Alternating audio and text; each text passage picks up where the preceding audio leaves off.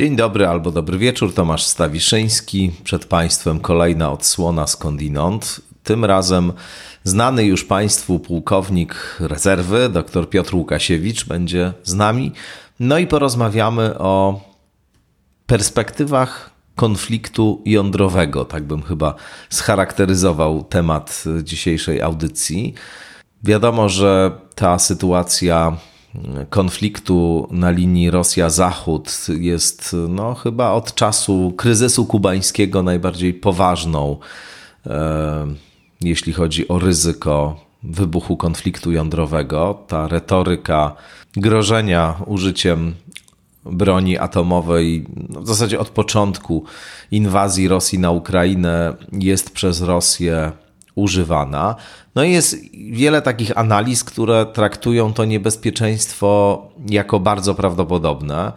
Jest też wiele takich, które uznają, no, że jednak te bezpieczniki działają i że ta okoliczność, że mamy do czynienia z bronią masowej zagłady i że jej użycie, tu akurat nikt nie ma wątpliwości, będzie oznaczało koniec nie wiem czy świata w ogóle, ale na pewno świata, jaki znamy i, i niesie poważne ryzyko, że wszystkie zaangażowane w ten konflikt strony wzajemnie się unicestwią, no, że to działa i że w związku z tym to ryzyko jednak wcale nie jest takie wysokie, jakby się mogło wydawać, a używanie tych argumentów służy przede wszystkim właśnie wywoływaniu presji. No, różne są tutaj stanowiska. Jednym ze stanowisk swoim własnym podzieli się z Państwem e, Piotr Łukasiewicz. Jak zwykle rozmowa z Piotrem to jest czysta przyjemność. Jest tutaj mnóstwo ogromnej wiedzy, ogromnego doświadczenia, precyzyjnej analizy. Myślę, że Państwo mm, wszyscy niepokojący się i ci mniej, i ci bardziej będą mm, zadowoleni z możliwości posłuchania tego, co Piotr Łukasiewicz ma e, w tym wszystkim do powiedzenia. No dobrze, to jeszcze zaproszenie dla Was wszystkich e, z Krakowa i okolic. 15 e, listopada odbędzie się moje spotkanie autorskie w Krakowie w ramach festiwalu Nonfiction. E, to jest wtorek o godzinie 18 w spółdzielni Ogniwo przy ulicy Smolki 11a. Bardzo się cieszę, no z tego ogromnie się cieszę nawet, że to spotkanie poprowadzi Michał Okoński, wspaniały publicysta, dziennikarz Tygodnika Powszechnego.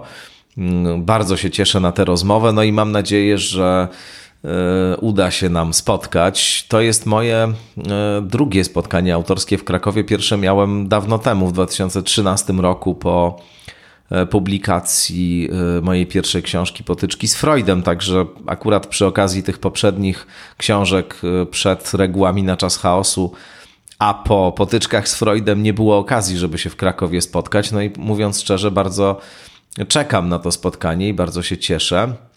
Jeszcze coś tam będzie się później w Krakowie również działo, o czym e, powiem w stosownym momencie. To nie jest ostatnie spotkanie autorskie w Krakowie, które się szykuje, no ale jest to pierwsze z tej serii, więc zapraszam Państwa bardzo serdecznie. 15 listopada o godzinie 18 w spółdzielni Ogniwo w Krakowie się zobaczymy i pogadamy, mam nadzieję. Mm.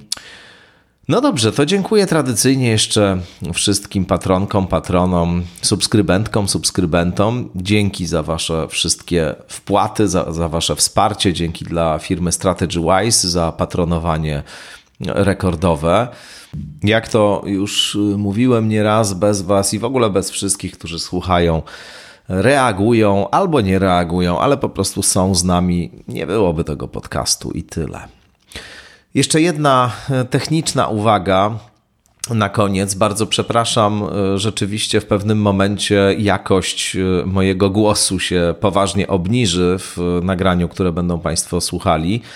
No, jest to związane z tym, że co już niestety raz czy dwa razy mi się wcześniej zdarzyło, program, którego używam z uwagi na jakieś perturbacje, przełączył mi mikrofony i od pewnego momentu mówię z użyciem mikrofonu wbudowanego w AirPods, których używam do słuchania, a nie do mówienia. No ale program nie raczył był mnie o tym poinformować i, i, po prostu nie wiedziałem, że coś takiego się stało. Także bardzo przepraszam. Mam nadzieję, że to nie będzie zanadto doskwierające dla Was, jednak w przeważającej mierze mówi tutaj Piotr Łukasiewicz w tej rozmowie. Także będę na to jeszcze bardziej zwracał uwagę. No dobrze, to teraz przed Wami Piotr Łukasiewicz.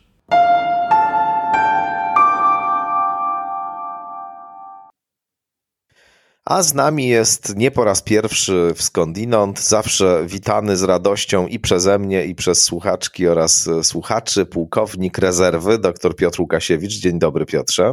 Dzień dobry. Zważywszy na temat naszej rozmowy, mam nadzieję, że nie po raz ostatni, bo temat naszej rozmowy zdaje się będzie o sprawach ostatecznych. Tak, tak. Też mam, też mam taką nadzieję, że nie po raz ostatni gościsz i że nie jest to ostatni odcinek skądinąd, że jeszcze nam się uda tutaj y, spotkać y, nieraz na, na tych falach. No ale tak, rzeczywiście będziemy rozmawiali o perspektywie globalnej wojny jądrowej albo konfliktu na linii Rosja-NATO tu jeszcze w tle jest oczywiście Korea Północna gdzieś, która też się aktywizuje w tym zakresie, jeszcze Chiny może. W każdym razie oczywiście ta podstawowa oś to jest w tej chwili Rosja-Zachód. Mm. I myśmy już o tym rozmawiali nieraz y, w skądinąd. Y, gościłeś tutaj po wybuchu wojny. Też y, napisałeś ileś tekstów na ten temat, które, które można znaleźć w sieci. Wypowiadałeś się w różnych mediach nieraz. E, I mam wrażenie, że zawsze miałeś taki raczej stosunek do tej perspektywy eskalacji jądrowej, tego konfliktu e, zdystansowany, raczej e, starałeś się uspokajać i, i, i zakładałeś, no, że ponieważ wszyscy uczestnicy tej rozgrywki jednak najprawdopodobniej chcą żyć, no to jesteśmy jakoś bezpieczni, jeśli chodzi o te kwestie. A powiedz, czy to przekonanie, jeśli dobrze je oczywiście zrekonstruowałem, czy ono się w tobie teraz e, dalej utrzymuje, czy też może po tych ostatnich wydarzeniach, po, po tych ostatnich i wypowiedziach Putina i, i po tym, co się mm, już w obrębie samych, samego konfliktu wydarzyło, no nie wiem, zmieniłeś zdanie, albo już nie jesteś tak optymistyczny, jeśli tego słowa w ogóle tutaj można użyć? No, ponieważ żyjemy w czasach popularności proroków i zawodowych przewidywaczy, czyli tak zwanych ekspertów, mogę powiedzieć, że moje optymistyczne scenariusze nieużywania broni nuklearnej i nie, nie stanięcia oko w, oko w oko z nuklearną apokalipsą, przynajmniej w ostatnich ośmiu miesiącach się sprawdziły. Więc już to jest pierwszy sukces. To prawda. to tak trochę, trochę, trochę, trochę żartobliwie o tym mówię, ale yy, chciałbym zaznaczyć przede wszystkim, że w moim przekonaniu, może to, co uległo wzmocnieniu w moim myśleniu o wojnie, zwłaszcza wojnie nuklearnej, jest to przekonanie, że rozważania o wojnie atomowej, rozważania o użyciu broni nuklearnej bardzo mocno nacechowane są predyspozycjami y, mówiącego, y, predyspozycjami eksperta. To przekonanie mam, to, to, jest, to jest moja moje odkrycie, może tak powiem, y, ostatnich, ostatnich kilku miesięcy, gdzie rzeczywiście rozmowa o, o, o możliwości użycia broni nuklearnej jest, jest bardzo powszechna, jest, jest tego bardzo dużo takich tematów, bardzo dużo impulsów do takiej rozmowy. Y, Rosja, zwłaszcza Rosja wysyła w ostatnim, w ostatnim czasie, ale też no, dostrzegam y, przede wszystkim że sama rozmowa o, o wojnie, o możliwości wojny atomowej jest taką rozmową bardzo trudną analitycznie. Bardzo trudno jest rozmawiać o prawdopodobieństwach, no bo co, co by wyniknęło e, ze stwierdzenia, że mm, w lutym uważałem, że jest pięcioprocentowe użycie, e, bardzo niskie użycie, pięcioprocentowe powiedzmy, jeżeli już trzymamy się matematyki, pięcioprocentowe możliwość użycia broni nuklearnej przez przez Rosję, po czym w lipcu bym stwierdził, że jest, że ono nieco wzrosło. Do 7%, do 10%, więc tutaj jest strasznie trudno jest tak analitycznie podchodzić do, do rzeczy, które, e, które nie poddają się w moim przekonaniu analizie takiej, bo oczekujemy od eksperta, od człowieka mówiącego o wojnie atomowej, żeby przewidział nam, jaka będzie przyszłość. I strasznie trudne jest to, tutaj ten, ten materiał jest niezwykle trudny, bo dlatego po pierwsze, że wojny atomowej do tej pory nie było że Mm, użycie broni atomowej obarczone jest bardzo dużą dozą niewiedzy, zwłaszcza w przestrzeni publicznej, ponieważ z natury swojej broń atomowa i strategie jej użycia, scenariusze jej użycia są sprawą utajnioną. Więc trudno jakby przewidywać przed faktami, przewidywać, jakie są mechanizmy postępowania w sprawie użycia tej broni przez któreś, któreś z mocarstw. A wreszcie niezwykle trudne jest wejście w psychologię przywódców atomowych, zwłaszcza przywódców y, no, w takim typie autorytarnym, gdzie znowuż domyślamy się, że użycie broni atomowej warunkowane jest um, nawet nie tyle analizą, co postawą jednego człowieka. No, w tym przypadku Władimira Putina, może Kim Jong-una, może tych ludzi, których uważamy za, za tych, którzy mogą być sprawcami wojny atomowej. Tutaj bardzo silnie odgrywa, e, odgrywa rolę jednak jakaś psychologia, ich postrzeganie rzeczywistości. I to znowuż podda- trudno poddaje się analizie, no bo cóż my wiemy o nastroju Władimira Putina, który, który jego poziomie zagrożenia, jego poziomie identyfikowania się na przykład z państwem takim, jakim jest Rosja, gdzie na przykład no, odczytujemy rosyjską doktrynę nuklearną, która mówi między innymi o tym, że może zostać ta broń użyta, jeśli zostanie zagrożone istnienie państwa rosyjskiego, samo istnienie państwa rosyjskiego. No i zaczynamy się zastanawiać, no czy państwo rosyjskie to Putin, czy może Putin jest y, jakimś członkiem jakiejś elity rządzącej, jakiegoś układu rządzącego, a zatem y, decyzja o używaniu takich środków jest bardziej rozproszona niż tylko jedno, e, jedno, jednoosobowa. I, I z tych właśnie względów, które, które, które przytoczyłem, znaczy one bardzo mocno obarczają tak naprawdę też mówiącego o, o eksperta, no w tym przypadku mnie, no pewnymi takimi domy, domysłami, założeniami, wręcz powiedziałbym predyspozycjami psychicznymi danego dnia, w której się o, tym, o, tej, o tej broni mówi. Mówię też to dlatego, że zdarzyło mi się kilkakrotnie rozmawiać z innymi tak zwanymi ekspertami o, y, dotyczą, y, ekspertami wojskowości w ostatnich miesiącach, pytając ich, no, o tym się rozmawia, prawda, również tutaj w Warszawie, y, jak, jak postrzegasz rozwój wojny, jak uważasz, co się stanie na, na, na, na teatrze wojennym ukraińskim? I często spotykałem się z odpowiedziami, no, że mam falowanie nastrojów, no, że jeszcze trzy miesiące temu uważałem, że Ukraińcom idzie dobrze, teraz uważam, że idzie źle. Albo ktoś inny wręcz powie odwrotnie. No uważam, że teraz Ukraińcy mają dużą szansę wygrać tę, tę, tę, tę, tę, tę wojnę. I to słowo uważam, to słowo falowanie nastrojów zwróciło moją uwagę y, i to odnoszę też to do siebie, bo, bo też takie, mam takie nastroje, że tak powiem, zmienne dotyczące przebiegu tej wojny, szans Ukraińców, którymi, którym pomimo swojej pozycji y, ekspert, eksperckiej kibicuję po prostu. Wspieram ich, no, można tak powiedzieć, moja sympatia jest po stronie Ukraińców, co oczywiście znowuż zaburza pewnego rodzaju tą zimną analizę, której wiele osób, wielu ludzi y, oczekuje od ekspertów. I to jest jakby też, y, też, też istotne, istotne zastrzeżenie. Więc jeśli rozmawiamy o wojnie atomowej, trzeba brać pod uwagę, moim zdaniem, o, o możliwości wojny atomowej, trzeba również brać pod uwagę no, te emocje, które, które, które towarzyszą takiej, y, takiej dyskusji, również emocje wśród, y, wśród ekspertów. Y, I teraz odpowiadając na mhm. Twoje pytanie, czy, czy uważam, że po tym wstępie, czy uważam, że. Po wstępie, w którym zarysowałeś z meta poziomu właściwie niemożliwość udzielenia tej odpowiedzi, ale to bardzo ciekawe.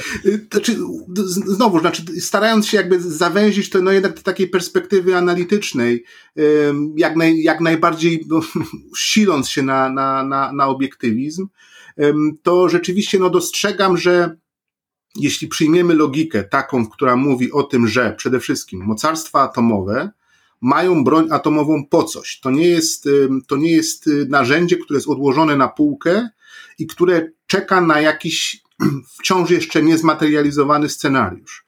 Y, więc, więc broń atomowa istnieje po coś. Istnieje przede wszystkim, to wiemy z czasów zimnej wojny, że istnieje po to, żeby odstraszyć przeciwnika, atomowego przeciwnika zwłaszcza, to znaczy, żeby nie dokonał zamachu, napadu na, atomowego na nasz kraj. Myśleli tak Rosjanie, Sowieci, myśleli tak Amerykanie, również później Brytyjczycy, Francuzi, Pakistańczycy, Hindusi, Izrael zdaje się również tak, tak myśli, więc żeby nie dopuścić do ataku atomowego na nasz kraj, posiadamy broń odstraszającą. Natomiast rozwój technologii w ostatnich dekadach sprawił, że pojawiło się to myślenie o tym, że możemy zrobić z bronią atomową jeszcze coś więcej, to znaczy użyć ją na takim poziomie, wojskowi lubią takie sformułowania, taktycznym, czyli taktyka to coś niewielkiego, to coś takiego punktowego, coś doraźnego, coś, co nie jest tym użyciem strategicznym. I w, w, w ramach takiego myślenia, no, rozum, rozumując, że Rosja której wojna dość ewidentnie, wojna konwencjonalna nie wychodzi zgodnie z domniemanymi założeniami, jakie sobie stawia, jakie stawialiśmy, takie, jakich domyślaliśmy się, że Putin i jego i Kreml posiadały w lutym, w marcu tego roku, czyli zdobycia całości w zasadzie, całości Ukrainy. No ewidentnie ta wojna konwencjonalna im nie wychodzi, a zatem wracając do tego narzędzia, które posiadają na półce, broni nuklearnej, broni tej taktycznej, czyli o teoretycznie niewielkim kilotonażu, dwóch, pięciu, dziesięciu kiloton być może, to tak, tak rozumiemy um, skalę techniczną takiej broni. Więc uważamy, że, e, że skoro Putinowi wojna nie idzie, ta konwencjonalna, no to mając w dyspozycji takie narzędzie, jakim jest broń atomowa, może jej użyć. No i teraz otwiera się pytanie, przeciwko czemu? No, pewnie pierwsze, pierwszą odpowiedzią było przeciwko wojskom ukraińskim nacierającym w jakimś fragmencie frontu e, ukraińsko-rosyjskiego na, na, na siły rosyjskie po to, żeby je e, powstrzymać. I tego rodzaju logika domyślania się, co mocarstwo atomowe, jakim jest Rosja, może zrobić, sprawia, że również no, analitycy mówią, zwiększyło się nieco prawdopodobieństwo użycia broni atomowej w, w Ukrainie. I to powoduje oczywiście no też pytania, na o ile się zwiększyło to ryzyko. Jak wygląda w tej chwili? Na, na co znowuż y, po tym moim przydługim wstępie odpowiedź brzmi, brzmi no, że powinniśmy pozostać w, w sferze słowa zwiększyło się, niewiele się zwiększyło, a ile ono wynosi, jak wyglądają, jak wyglądałyby mechanizmy takiego użycia, no znowuż to otwiera pole do pewnych domysłów, interpretacji, przeciwko czemu Rosjanie mieliby użyć tej broni, czy przeciwko jednostkom ukraińskim, czy przeciwko um, punktom y, kolejowym, czy przecięciom kolejowym, którymi idzie, tra, którą idą transporty z zaopatrzeniem dla, dla walczących y, oddziałów ukraińskich, a może użyć użyć przeciwko miastom ukraińskim po to, żeby przerazić y, społeczeństwo ukraińskie, które miałoby się poddać po takim, po takim akcie. No więc jest znowu, otwiera się pole do, pewnych, do, do pewnego gdybania, um, które no w pewnym sensie też jest takie bezprzedmiotowe, jeśli wrócimy do tych wielkich zadań broni atomowej jeszcze z czasów zimnej wojny, a tym wielkim zadaniem broni atomowej było właśnie odstraszenie przeciwnika atomowego przed e, atakiem atomowym na któreś z mocarstw e, no, Rosji, Związku Radzieckiego na Amerykę, Ameryki na Związek Radziecki i tak dalej. No właśnie, bo, bo tu rzeczywiście od pewnego czasu mniej się rozważa, a przynajmniej e, w takim porządku eskalacji. Najpierw się mówi o użyciu potencjalnym taktycznym broni jądrowej gdzieś w Ukrainie właśnie przez Putina i, i, no i rozważane są w związku z tym różne scenariusze, co w takiej sytuacji zrobiłoby NATO, no bo oczywiście wiadomo, że coś by zrobić musiało. E, widziałem takie wypowiedzi generała Petreusa, czyli zasłużonego e, amerykańskiego dowódcy oraz przez rok e, szefa CIA również I on opowiadał o tym, że tam natychmiast z konwencjonalną bronią zniszczona zostanie flota czarnomorska, że, że NATO uderzy, ale oczywiście nie uderzy bronią jądrową. No to są już takie bardzo szczegółowe rzeczywiście scenariusze.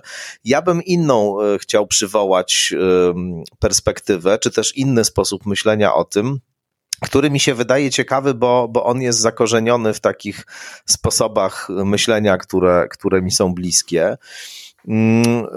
Znany nam doskonale generał Clausewitz e, pisał, że, pisał, że wojna jest e, takim stanem, w którym każda ze stron dąży do skrajności, to znaczy dąży do, e, do unicestwienia i muszą się pojawić po prostu jakieś warunki, możliwości, żeby ten proces się zatrzymał, ale one gdzieś z zewnątrz muszą przyjść, no bo sam ten proces wojenny i, i, i tego konfliktu narastającego jest właśnie procesem takiego samowyniszczania się. I teraz Mam wrażenie, że, że można pomyśleć o tej broni jądrowej nie tyle właśnie jako o czymś, co mm, nie wiem, jest w sposób świadomy, zgodnie z doktryną e, rozważane jako, jako e, nie wiem, broń defensywna czy też, czy też ofensywna, tylko jako o pewnym momencie w tym procesie konfliktu, który E, wyrywa się spod kontroli, który już wedle pewnej własnej logiki zaczyna przebiegać. Ukazał się taki mm, tekst jakiś czas temu, ja go tutaj e, polecałem już skądinąd na łamach Foreign Affairs Tatiany Stanowajej.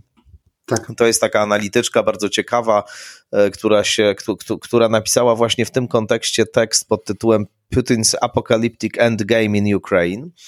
No i ona przygląda się tym kolejnym decyzjom Putina. Najpierw yy, powiada, że w ogóle takim momentem zwrotnym w całej tej wojnie, która od początku oczywiście przebiegała w sposób y, niezaplanowany przez Putina, bo on liczył na to, że jednak dosyć szybko uda się wojskom rosyjskim ten swój y, cel zrealizować, no ale E, gdzieś tam on przez te pierwsze miesiące, mimo że to szło nie tak, jak e, sobie wyobrażał, mógł mieć poczucie, że jakoś posuwa się krok po kroku do przodu. No później nastąpiła ta kontrofensywa sierpniowa, bardzo e, dotkliwa dla wojsk rosyjskich, no i później nastąpiło to przyłączenie owych czterech republik zadeklarowanie, że to teraz jest Rosja i, i że wszystko właściwie, co tam się dzieje, dzieje się na terenie Rosji. No i ona powiada, to jest w gruncie rzeczy przedefiniowanie tego całego konfliktu na wojnę defensywną, którą Rosja prowadzi z Zachodem to jest coraz silniej w retoryce Putina obecne, że, że właściwie Ukraina stała się prowincją Stanów Zjednoczonych, że tam Stany Zjednoczone z Rosją wojnę prowadzą mm, na, na ten sposób. No i rzeczywiście ona zadaje pytanie, czy to jest człowiek, który może się zatrzymać na przykład, czy on się może wycofać w tym momencie, czy on ma w ogóle gdzie się wycofać. I czy ktokolwiek z e, uczestników całej tej sytuacji może się gdziekolwiek wycofać i, i jest gotów to zrobić? No i stawia hipotezę, że nie, że tutaj nikt już na dobrą sprawę nie może się wycofać, że można tylko konsekwentnie iść tą drogą, którą każda ze stron obrała, to znaczy Putin będzie realizował ten swój cel, Amerykanie będą mu w tym przeszkadzać. No i pytanie, czy nie będzie takiego momentu, kiedy on, y, a jest to człowiek y, posługujący się eskalacją jako, jako metodą swoich działań, rzeczywiście zrobi to po to, żeby zademonstrować, że gotów jest absolutnie na wszystko i że on nie pozwoli na to, żeby przegrać e, tej wojny. I to będzie po prostu już tylko pewien kolejny, logiczny, z żelazną logiką, e, wiesz, e, narzucający się środek, który w ramach logiki konfliktu zostanie po prostu w pewnym momencie użyty, bo już nie będzie drogi odwrotu. No znowuż, nie wiem, czy to z powodu mojego nastroju psychicznego, optymistycznego, czy z powodu moich analitycznych zdolności, powątpiewam w logikę apokalipsy zaprezentowaną przez panią Stanowają ponieważ no właśnie to o tym mówiliśmy trochę też na początku naszego, naszej rozmowy, o, nas, o pozycji psychicznej Putina, który w moim przekonaniu nie poddaje się łatwej analizie, takiej zwłaszcza publicystycznej analizie, bo być może psychologowie, psycholodzy CIA, którzy obserwują wystąpienia Putina, mogą powiedzieć na ten temat więcej.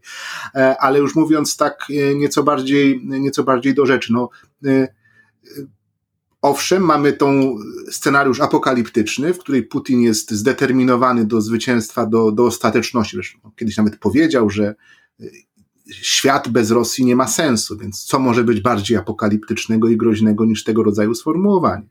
A z drugiej strony mamy, rozmawiamy, mm, rozmawiamy w tygodniu, w którym Putin ustąpił. Putin się wycofał. Putin pokazał zdolność do manewru, do korekty swojego stanowiska. Mówię tutaj o tak zwanym porozumieniu zbożowym, które po e, udanych atakach e, ukraińskich dronów na flotę, na zniszczenie co najmniej jednego okrętu, czy uszkodzenie co najmniej jednego okrętu, być może nawet dwóch albo trzech w Sewastopolu przez ukraińskie drony pływające. E, wściekła Rosja, no znowuż tak używając tych kategorii emocjonalnych, zadeklarowała, że wycofuje się z tak zwanego porozumienia dealu zbożowego, porozumienia zbożowego, które zawarte, zawartego pod auspicjami ONZ i Turcji, e, które stanowiło o tym, że e, zboże ukraińskie i również zboże rosyjskie mogą zostać, są, będą wywożone z portu, przede wszystkim ukraińskie zboże z portu w Odesie, co ma służyć zmniejszaniu ryzyka klęski głodów w państwach, w krajach, którego, które od tego zboża są uzależnione, głównie w państwach afrykańskich. E, cztery dni później, po ogłoszeniu z, z przytupem, że tak powiem, tego, tej, tej, tego wycofania się z tego porozumienia, po cichu i znowu dziękując ONZ-owi, dziękując Turcji, Ministerstwo e, Obrony Federacji Rosyjskiej ogłasza, że pod pewnymi warunkami, ale jednak do, do tego porozumienia wraca. No, czym innym jest to niż świadectwem, umiejętności korygowania swojej postawy przez, e, przez, przez Władimira Putina i pewnej, no, takiej racjonalności, można powiedzieć, e, nastawionej na być może chęć, nie mówię, że to nastąpi teraz, nie mówię, że nastąpi to w najbliższych miesiącach, ale zawarcia pokoju, oczywiście pokoju z punktu widzenia Rosji, polegającego na tym, żeby to, co jeszcze, to, co Rosja ma, głównie chodzi o zyski terytorialne, zachowała, kończąc wojnę. W moim przekonaniu jest to, jest, jest to jakiś sygnał, istotny sygnał w tym, w tym tygodniu, gotowości Rosji do e, korygowania swojej, no, wydawałoby się apokaliptycznej e, e, pozycji, którą prezentowała, wydawała się prezentować wcześniej. Um, no ale z drugiej strony jedno tylko, jedno, jedna tylko uwaga. Z drugiej strony mieliśmy to wystąpienie Putina w klubie waldajskim i no to było takie bardzo mocne, konfrontacyjne wystąpienie. Tam jeszcze była cała część Q&A, kiedy on odpowiadał na pytania i jednak definiowanie tej wojny w kategoriach właśnie E, starcia pomiędzy Rosją a Zachodem, podkreślanie, że my zrealizujemy wszystko, co mamy tam do zrealizowania, że tutaj nie ma możliwości właściwie zawarcia żadnego kompromisu i tak dalej, no jest bardzo takie wyraziste. No i właśnie na tym polega to falowanie nastrojów, że jednego dnia e, prezydent Putin pokazuje swoją największą rakietę, jaką można było zbudować, czyli Sarmat 2 E, rakietę typu MIRV, czyli taką, która potrafi przenosić 6 e, do 10 bodajże innych rakiet z głowicami e, atomowymi, tak zwanego MIRWA, czyli takiej, takiej rakiety, która przenosi inne rakiety z głowicami atomowymi, które roz, niejako roz pryskują się, czy też e, wystrzeliwane są na terytorium przeciwnika i uderzają w kilka osobnych, osobnych celów. I to jest przerażające. Zresztą, e, jeśli chodzi o nastroje apokaliptyczne, Zachód określił tę rakietę Sarmat pseudonimem takim operacyjnym Satan, tak? Szatan. Czyli, czyli tu już mamy jakby to, to myślenie, myślenie apokaliptyczne nawet w, w nazwach, w nazewnictwie wojskowym się, Nomen omen. się, się, się wyraża, bo rzeczywiście jest to niezwykle, wydaje nam się, że jest to niezwykle groźna, groźna broń, tam w, liczona w, mega, w dziesiątkach megaton, już nawet nie w kilotonach. Więc megatony, miliony ton trotylu zgromadzone w jednej, w sumie niewielkiej rakiecie rzeczywiście budzą, e, budzą grozę i nie sposób tutaj uciec od tego przekonania, że Putin jest zdeterminowany pociągnąć cały świat za, za sobą e, w otchłań, jeśli coś mu się nie uda. Z drugiej strony są, jak wspomniałem, sygnały, drobne sygnały, niewątpliwie to nie, nie, nie przesądzałbym e, gotowości Rosjan do, już do zawarcia pokoju tu i teraz za wszelką cenę, ale jednak pokazujące pewnego rodzaju no, umiejętność korekty swojej, e, swojej pozycji. A z trzeciej strony wreszcie mamy znowuż takie doświadczenie historyczne po 1945 roku, braku wojny atomowej, nawet w sytuacji, kiedy mocarstwa atomowe przegrywały te wojny. Przegrywały jakieś wojny konwencjonalne. I tu wymienia się oczywiście po stronie amerykańskiej Koreę, e, Wietnam, e, po stronie radzieckiej e, Afganistan, później po stronie amerykańskiej już za tak zwanej demokracji Afganistan i Irak i tak dalej, i tak dalej. W przypadku Pakistanu i Indii również mocarstw atomowych, takich mini mocarstw atomowych, również dochodziło do licznych potyczek już po okresie, po latach 90., kiedy oba te państwa weszły w posiadanie, przeprowadziły testy atomowe um, i również nie doszło do tej, do tej wojny atomowej. Więc jakby mamy doświadczenie historyczne, które oczywiście nie jest przesądzające. To, to znowuż tak trochę wchodząc, miotam się między trybem straszenia a trybem racjonalności. Wchodząc w ten tryb straszenia, nie jest przesądzone, że do, doświadczenie historyczne, zimnowojenne, zdecyduje o braku możliwości użycia tej broni w przyszłości. Oczywiście, że nie. No ale znowuż można to kontrować y, nieco podnosząc nastrój optymizmu, no, tymi racjonalnymi działaniami Rosji, która jak powiedziałem, wycof, y, wraca do porozumienia, y, porozumienia zbożowego. Niedawno ogłosiła mobilizację swoich żołnierzy. Y, po ofensywie wrześniowej, charkowskiej, kiedy no, wydawało się, że rzeczywiście Ukraina bardzo mocno zyskała inicjatywę, swobodę manewru w tej, w tej, w tej, w tej wojnie i inicjatywę wojskową, na co Rosja odpowiedziała, no znowuż, nie scenariuszem użycia broni atomowej, ale zwykłą, najzwyczajniejszą mobilizacją, która, o której domyślaliśmy się, że będzie ryzykownym posunięciem, tak naprawdę zagrażają, ryzykownym, a zatem zagrażającym pozycji politycznej Putina w ramach jego państwa.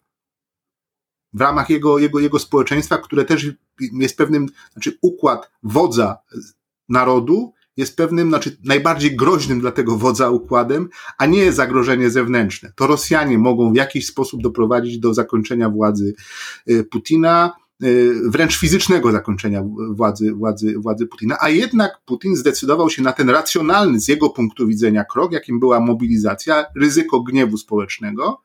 I zresztą widzimy, dostrzegamy incydentalnie przynajmniej z Rosji informacje mówiące o tym, że lud rosyjski się gniewa na, e, na, na, prowadzo, na sposób prowadzenia tej mobilizacji i ryzyko e, wysyłania niedoświadczonych, nieuzbrojonych mężczyzn, młodych mężczyzn, starych, starszych mężczyzn na wojnę, w której prawdopodobnie zginą.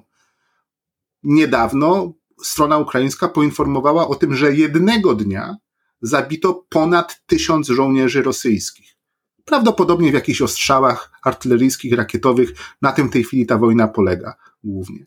Więc, y, więc jednak znowuż wracając do racjonalności Putina, takiej starając się jakby ocenić go po dowodach publicznych, no jednak istnieje wciąż jeszcze, zanim dojdzie do tej eskalacji atomowej, istnieje jeszcze, przynajmniej w jego y, przekonaniu, kilka kroków, nazwijmy je konwencjonalnych, które można wykonać, aby tę wojnę wygrać, bo to, że on chce tę, tę wojnę wygrać, to, że jest zdeterminowany, on i Kreml, tak mówiąc już bardziej ogólnie o układzie władzy w Rosji, tu nie ma wątpliwości.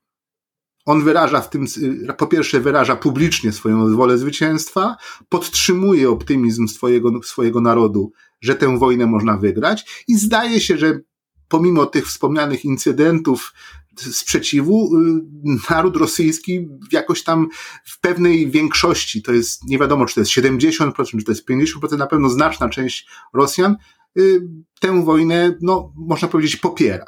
Czyli wierzy w jej zwycięstwo, prawda? Środkami, środkami konwencjonalnymi. I to są, to są jakby to zestawienie, zestawienie naszego myślenia takiego trochę, no właśnie, że tych, tych czarnych scenariuszy y, z faktami, które same w sobie, nie, same pojedynczo wzięte nie przesądzają o, o, o, o, o potrzebie bardziej może optymistycznego myślenia o, o, o tej perspektywie, czy groźbie wojny, wojny atomowej, no ale jednak składają się na pewien obraz racjonalnego gracza, racjonalnego aktora, to jest pojęcie z, z teorii stosunków międzynarodowych, racjonalnego aktora kierującego się jakimś swoim interesem, no i to te interesy mogą być biologiczne, po prostu przeżycia, albo polityczne, czyli zachowania swojej, swojej władzy. Albo mistyczne. Albo mistyczne, ale też y, warto chyba podkreślać, że mistyka w, w, u przywódców wkrada się dopiero na samym końcu ich władzy, a nie, a nie, a, a, a sposób jej sprawowania, czy też pragmatyka sprawowania władzy jest daleka od mistyki i to jest raczej ta sfera propagandy, uświęcania wartości y, ojczyzny, Rosji, jakiejś jej historycznej misji. To jest oczywiście tak pewnego rodzaju otoczka, która bardzo dobrze oddziałuje na, e, na społeczeństwo, jednoczy społeczeństwo wokół jakiegoś celu.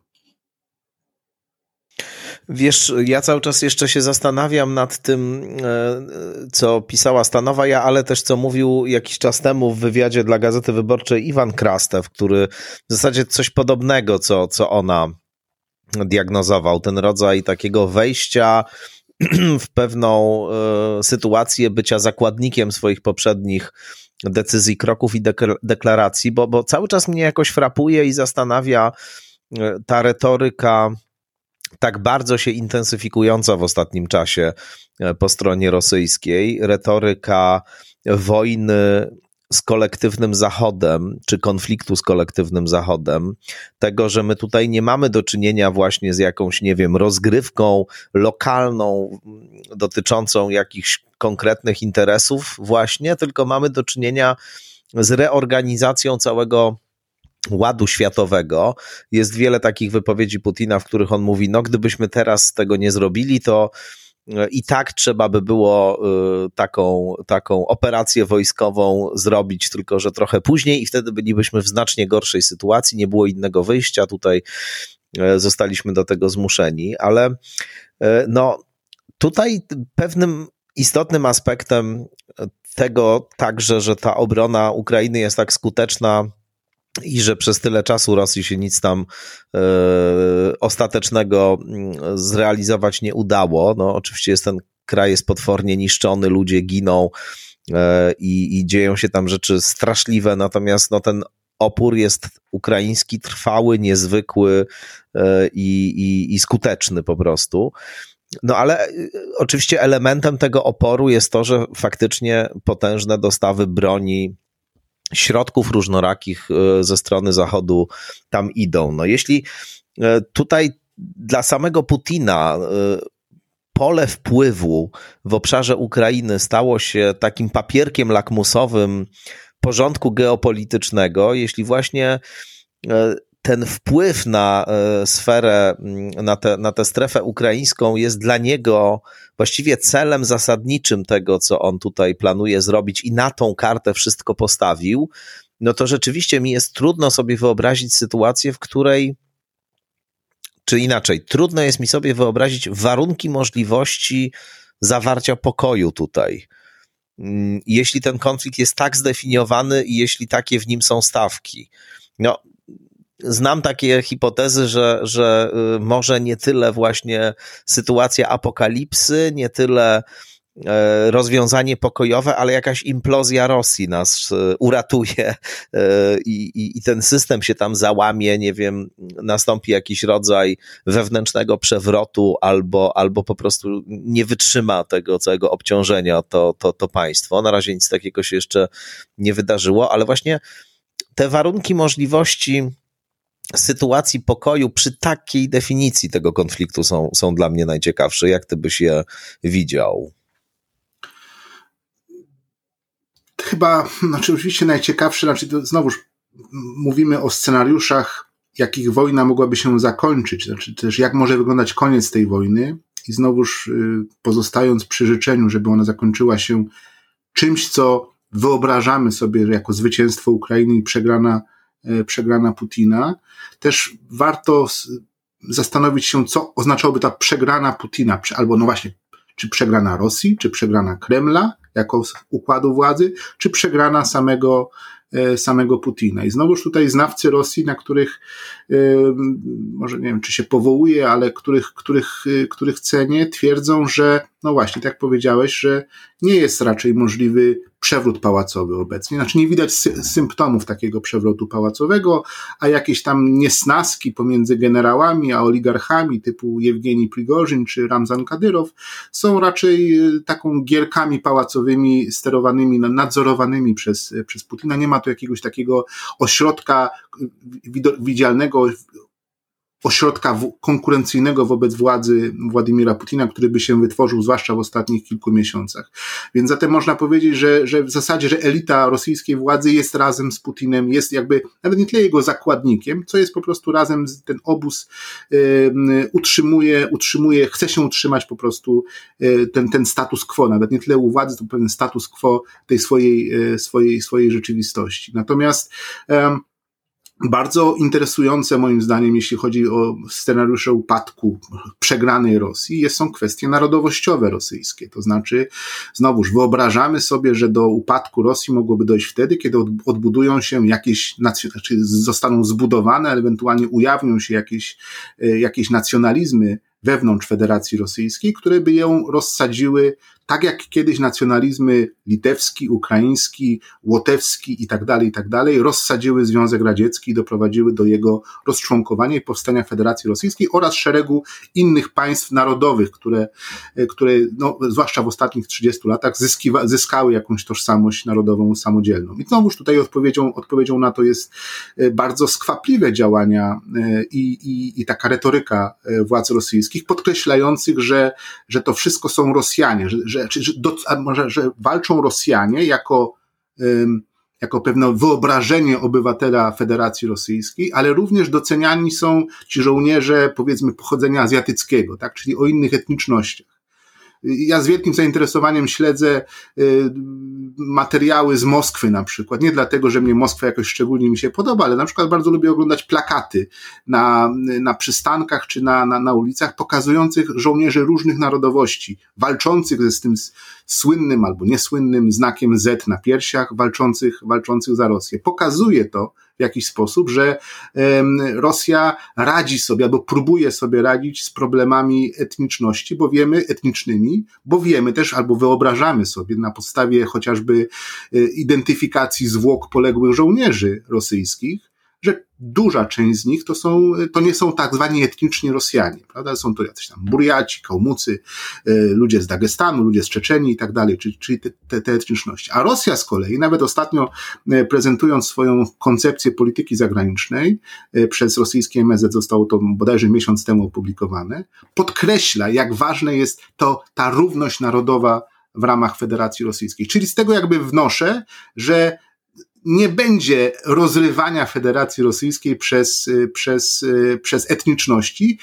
Jeśli ono nastąpi, to mogą być jakieś inne jego źródła, na przykład takie instytucjonalne, administracyjne, że powiedzmy gubernatorzy poszczególnych guberni, poszczególnych obwodów będą y, no, prowadzili to, co działo się w Rosji w latach 90., czyli takie typowe łupienie zasobów państwowych po to, żeby zbudować swoją władzę. To może rzeczywiście w przyszłości doprowadzić do jakiegoś, do jakiegoś wielkiego niepokoju, niepokoju w Rosji. Więc to jest, jeśli chodzi o, o scenariusze, scenariusze końca, e, końca, końca, e, końca Putina. E, faktycznie, no, bardzo krążysz, znaczy namawiasz mnie do rozmowy o tych, o tych, o tej, o tej apokaliptyczności widzenia przez, przez Putina, Putina świata i, i, i jego interpretacji tych wydarzeń które trwają, które obserwujemy no, od 24 lutego, a tak naprawdę one trwają od, od 2007 roku, tak naprawdę, kiedy Putin po raz pierwszy na konferencji bezpieczeństwa w Monachium powiedział, co jest nie tak z Ameryką, co jest nie tak z Europą i jakie miejsce należy się Rosji. Więc jakby te, te, te, ten, ta jego wizja mm, rosyjskiego miejsca w świecie jest dłuższa nawet niż ta wojna. Oczywiście ona się zintensyfikowała w okresie ostatnich y, no, 8-9 już miesięcy y, po, po, po, po, po, po inwazji, um, gdzie prezentuje on y, no, tę wojnę w Ukrainie jako nie wojnę zastępczą, jako, jako wojnę zastępczą, toczoną z Ukrainą, ale tak naprawdę toczoną przeciwko, przeciwko Zachodowi, który rzekomo ma czyhać, czyhać na, na, na, na, na niepodległość rosyjską.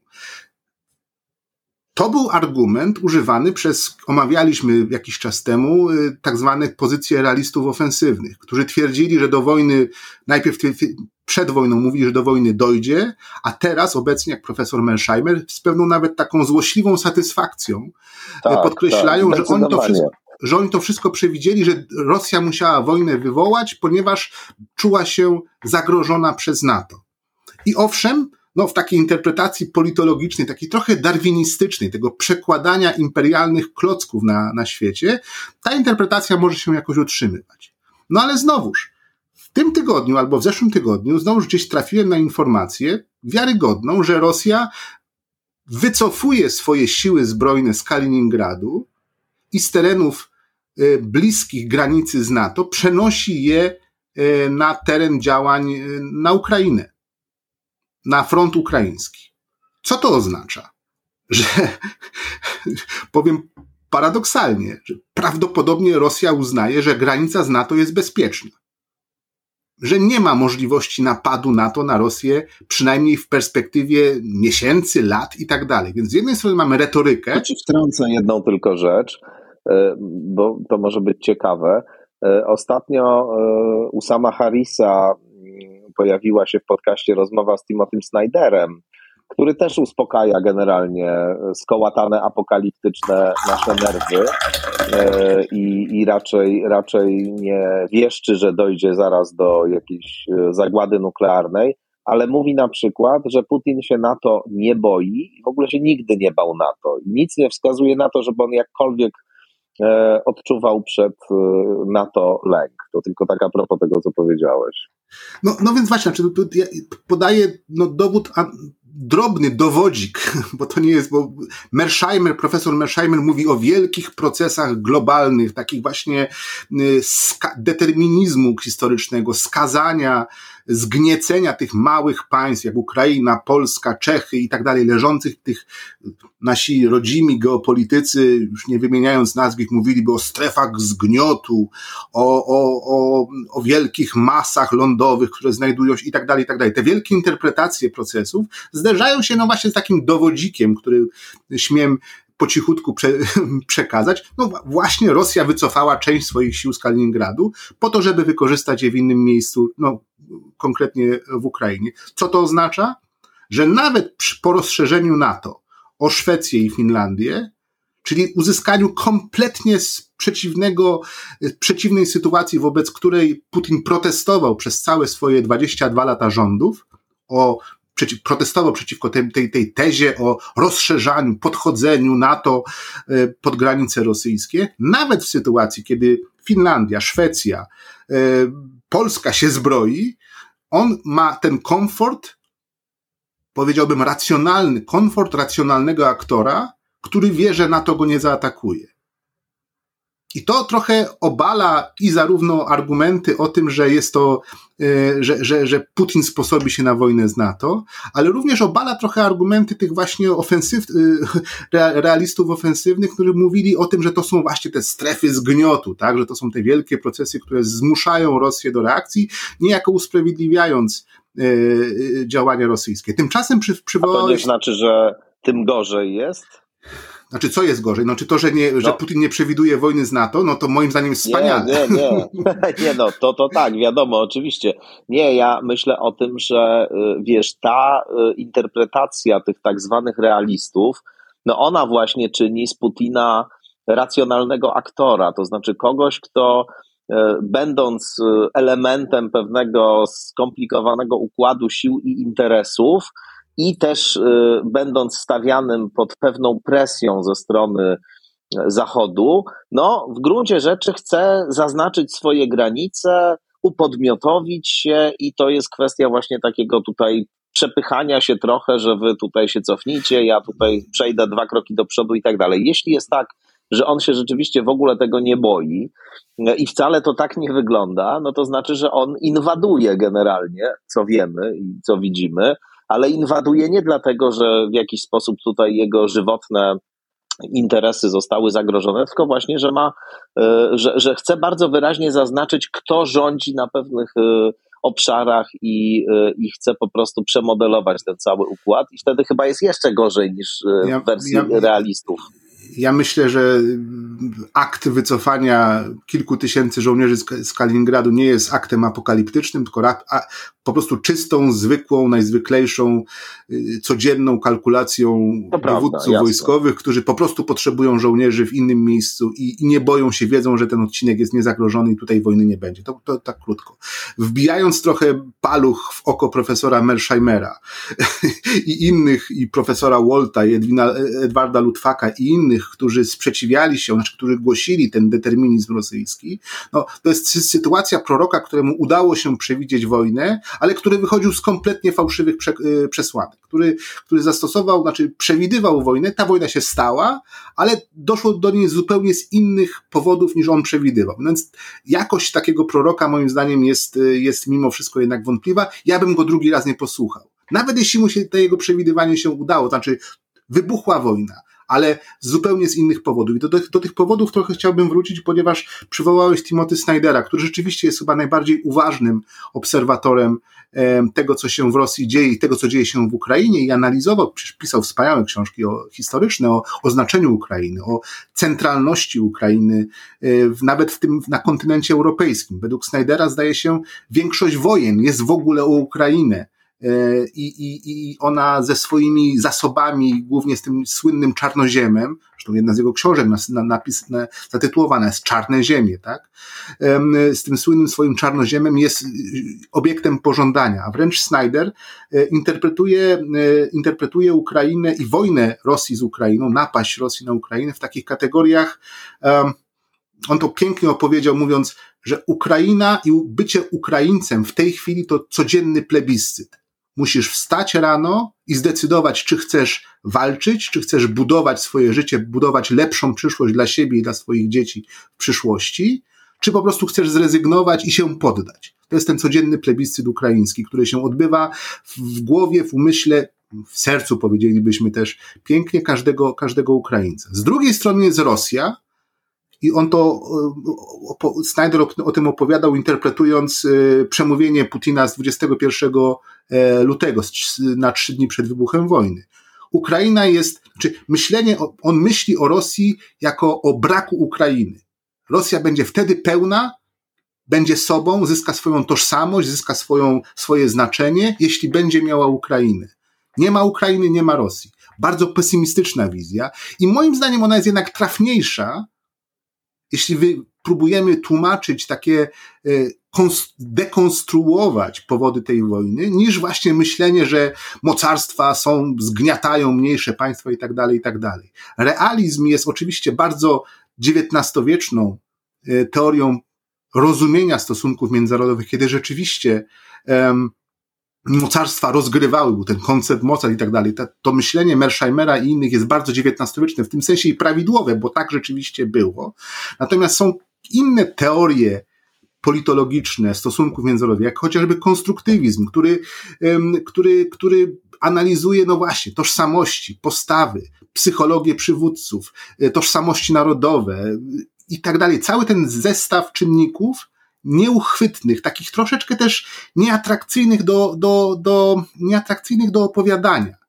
Bo znacznie lepiej, łatwiej jest być y, internetowym guru, YouTube'owym geopolitykiem, który mówi, że tutaj Chiny muszą zrobić i Rosja, i Ameryka, i lądolody, i, i, i, i morza wielkie, i tak dalej, i przesmyki różne, i to, tak, to, to pięknie szachowo, że tak powiem, wytłumaczy. To jest bardzo atrakcyjne takie trochę darwinistyczne ujęcie rzeczywistości współczesnej. No a z drugiej strony, no jak, jak konstruktywist, konstruktywista, który będzie analizował te właśnie te drobne, te drobne fakty społeczne, psychologiczne, narodowe, polityczne również, zachowania przywódców, jak on o tym opowie w sposób atrakcyjny. Tu jest jakby też ta przewaga, proszę zwrócić uwagę, e, jak to się w rzeczywistości tej publicznej rozgrywa, zwłaszcza kiedy jest potrzeba takiego mocnego wytłumaczenia rzeczywistości przez, przez ludzi, którzy, którzy to tłumaczą na YouTubie, e, w telewizji, w prasie czasami. No prasa tutaj się jeszcze jakoś broni, no ale, ale też media społecznościowe y, żywią się takim, takim skrótem skrótem myślowym. I w moim przekonaniu ta interpretacja o tym, że no właśnie Rosja jako mocarstwo musiała zareagować, jest skrótem myślowym, który prowadzi nas na manowce innych skrótów myślowych, chociażby polegających na tym, że Rosja użyje broni atomowej, że to jest jakaś logiczna ostateczność y, kierunku dziejów, którym, którym, który obserwujemy na, no, niemalże na własne oczy. Pełna zgoda co do tego, że my też obcujemy ciągle w przekazach i w analizach dotyczących tego, co się dzieje, z takim skrótem efektownym i, i że tutaj trwa nieustannie też trochę wojna o inna wojna, wojna o oglądalność, wojna o klikalność, wojna o atrakcyjność przekazu, narracji, interpretacji, że to niestety no, Bo też daje takie efekty, jak powiedziałeś. Zwróćmy uwagę, że y, nawet ostatnio, znowu przepraszam, że przytoczę takie osobiste y, doświadczenie, ale, ale gdzieś miałem do czynienia z, z wymianą poglądów na tak zwanym koncie społecznościowym klasy mojego syna, gdzie jedna, jeden z, jedno z rodziców powiedziało, bo tam była rozmowa o, o, o jodku potasu prawda? Czyli, że o, ty, o, tym, o tych tabletkach, które należy podać dzieciom, żeby no, Podobno ochronić... wszyscy skupują ten Tak, wszyscy skupują. I jedna, jedna, tak. jeden, jedno z rodziców powiedziało, że ja muszę zdążyć do szkoły, żeby ten, tą tabletkę swojemu dziecku podać, gdyby coś się stało. Prawda? No więc to są bardzo konkretne. I ja tutaj nie winię nikogo, nie, nie, nie, nie kładę tego na karb dezinformacji, nie kładę tego na karb jakiejś paniki, jakiejś histerii. To są absolutnie wyobrażalne scenariusze, jak możemy tu i teraz zareagować na, no, na zagrożenie, które sobie wyobrażamy, które podają nam media również. I tu podają nam, nie, nie powiem, że przesadnie, bo to jest to jest jakaś, jakaś wersja przyszłości, prawda? Więc ludzie wyobrażają sobie te wielkie procesy, sprowadzają do swojego życia. Do swojego, do swojego konkretnego działania, tu i teraz. Muszę kupić jodek potasu, muszę kupić y, 10 paczek y, makaronu i kilogram, 10 kilogramów ryżu. Właśnie przeżyliśmy pandemię, kiedy to robiliśmy. Wszyscy. Wszyscy to robiliśmy. Więc te, te mechanizmy zostały, tak, warunkowanie te, te, tym, tą potrzebą bezpieczeństwa z siebie i swoich najbliższych przede wszystkim, jest niezwykle, zazębia się z tym mówieniem o nuklearnej apokalipsie. Ona jest wyobrażalna. Ona stała się wyobrażalna, ponieważ, ponieważ wyobrażamy sobie, co byśmy zrobili. Trudniej jest, zdecydowanie trudniej jest zareagować na tę analizę, którą przed chwilą podałem. Tożsamościową, narodową, psychologiczną, próbę zrozumienia splątania dziejów Ukrainy z, z Rosją sięgających nie tyle nawet umowy prejesławskiej z XVIII wieku, ale jeszcze wcześniej. Cała historia Rosji to jest historia Rusi kijowskiej, prawda? Jej, jej głębokie korzenie. I jak będziemy, jak, jak możemy na to zareagować? Jak możemy temu się opierać albo to brać pod uwagę przy naszych codziennych kalkulacjach? Więc tutaj jakby tutaj też trzeba zwracać uwagę na moim przekonaniu, próbując albo domagając się takiej publicznej analizy prawdopodobieństw, warto wracać do tej perspektywy osobistej i przez nią filtrować swoje poczucie zagrożenia albo, albo zmniejszanie tego poczucia zagrożenia, a nie poddawać się takim prostym, no, no, no błyskotliwym niewątpliwie. Nie odmawiam, znowu przywołuję profesora Mersheimera, który na swojej stronie prezentuje się jako współczesny Machiavelli. Wkleił swoją facjatę w portret Machiavellego. No więc. Tak, komentowaliśmy tutaj to w tak, rozmowie. Tak, no, kiedy, cóż jest lepsze PR-owo tak, niż mówili. ubrać się w, w szaty um, największego myśliciela, takiego symbolu przebiegłości politycznej, jak, jak, jak, jak, jak Machiavelli. No, no tutaj no mnie, trudno, trudno to jakby, trudno, trudno to, to, to jakby wskazywać naszym słuchaczom również, jakimi, jakim, czym się mają kierować, bo oni rzeczywiście zawsze ludzie wy, wybierają to, co ich, im najbliższe. Bomba atomowa, zwłaszcza, że żyjemy przecież po, po 70, przeżyliśmy kilkadziesiąt lat, czy my, nasi rodzice, przeżyliśmy kilkadziesiąt lat zimnej wojny i tej absolutnej zmiany w historii świata, jaką jest możliwość, jaką jest brak wojen, ponieważ istniała groźba wielkiej wojny atomowej.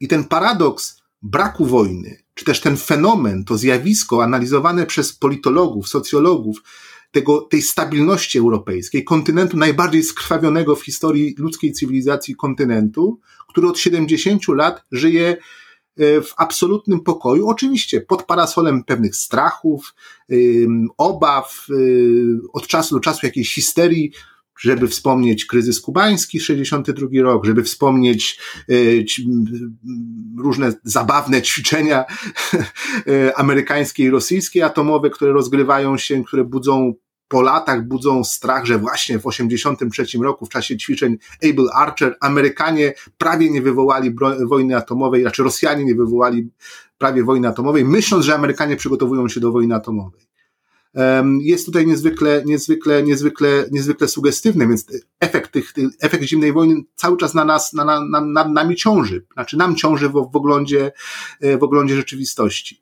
A jeszcze wracając do tych lekcji, właśnie do lekcji, nie wiem, czy one uspokajają, ale ale Wiesz, no... tylko, tylko jedna, jedna rzecz. Y, ja, ja się absolutnie zgadzam. Natomiast ja myślę, że jednak są pewne argumenty za, tą, e, za tym wariantem niepokojącym i, i, i myślę, że taki scenariusz, że to wszystko rzeczywiście logicznie zmierza do konfliktu nuklearnego w takiej czy innej postaci, że on jest dosyć prawdopodobny jednak dzisiaj. Ale jakie ale... to argumenty?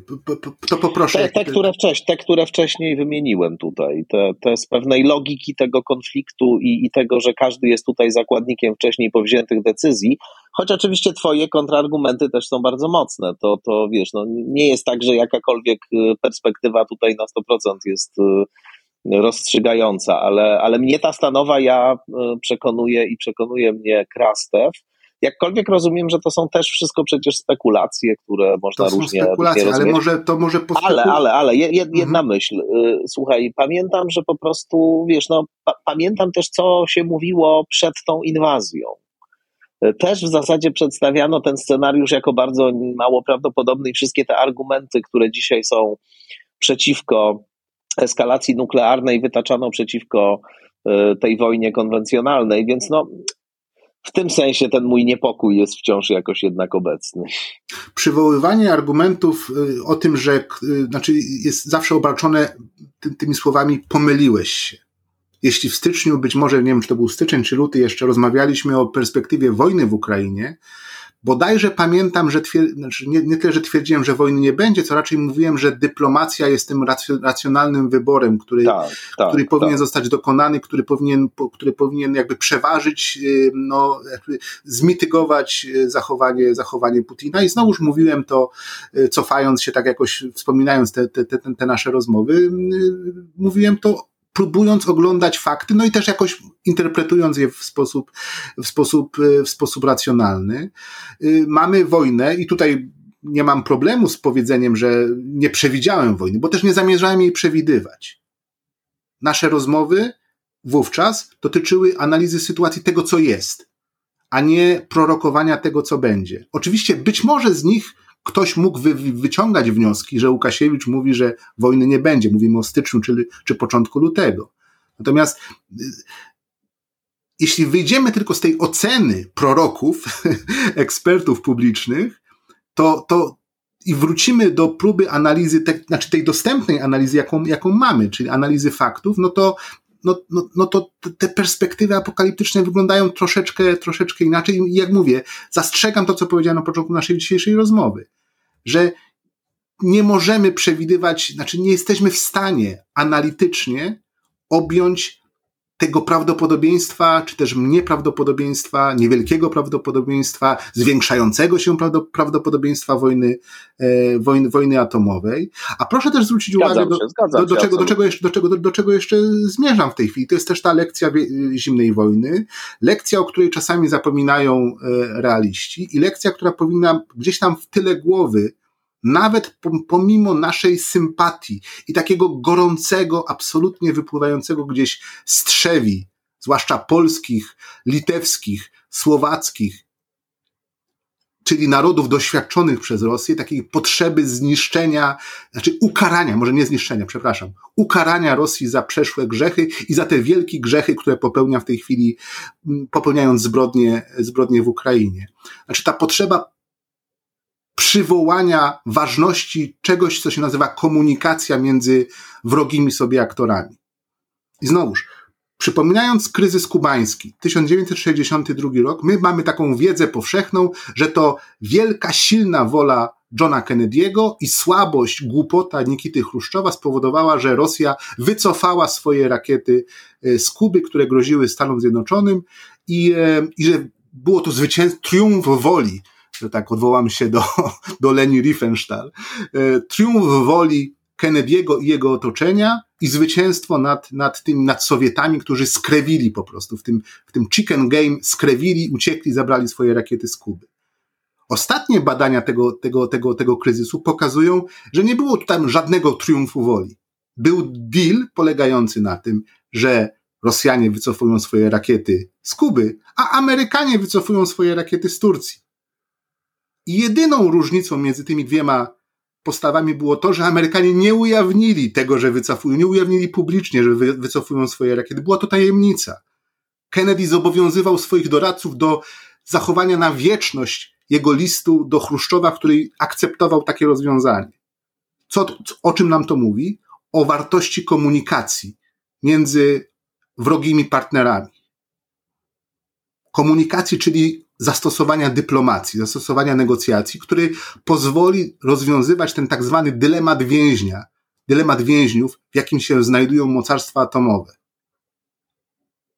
Które, no, myślę, myślę, no, no, Proszę, które, dokończ, no. które prezentują wobec siebie wrogie postawy, które nie do końca mają rozpoznane, co robi, co czyni strona przeciwna, i jedyną drogą uniknięcia katastrofy, która pogrąży ich obu, tak jak w słynnym właśnie tym eksperymencie myślowym, jak jest dylemat więźnia, dwóch więźniów poniesie klęskę, trafi do więzienia na długi czas, ponieważ się ze sobą nie komunikują.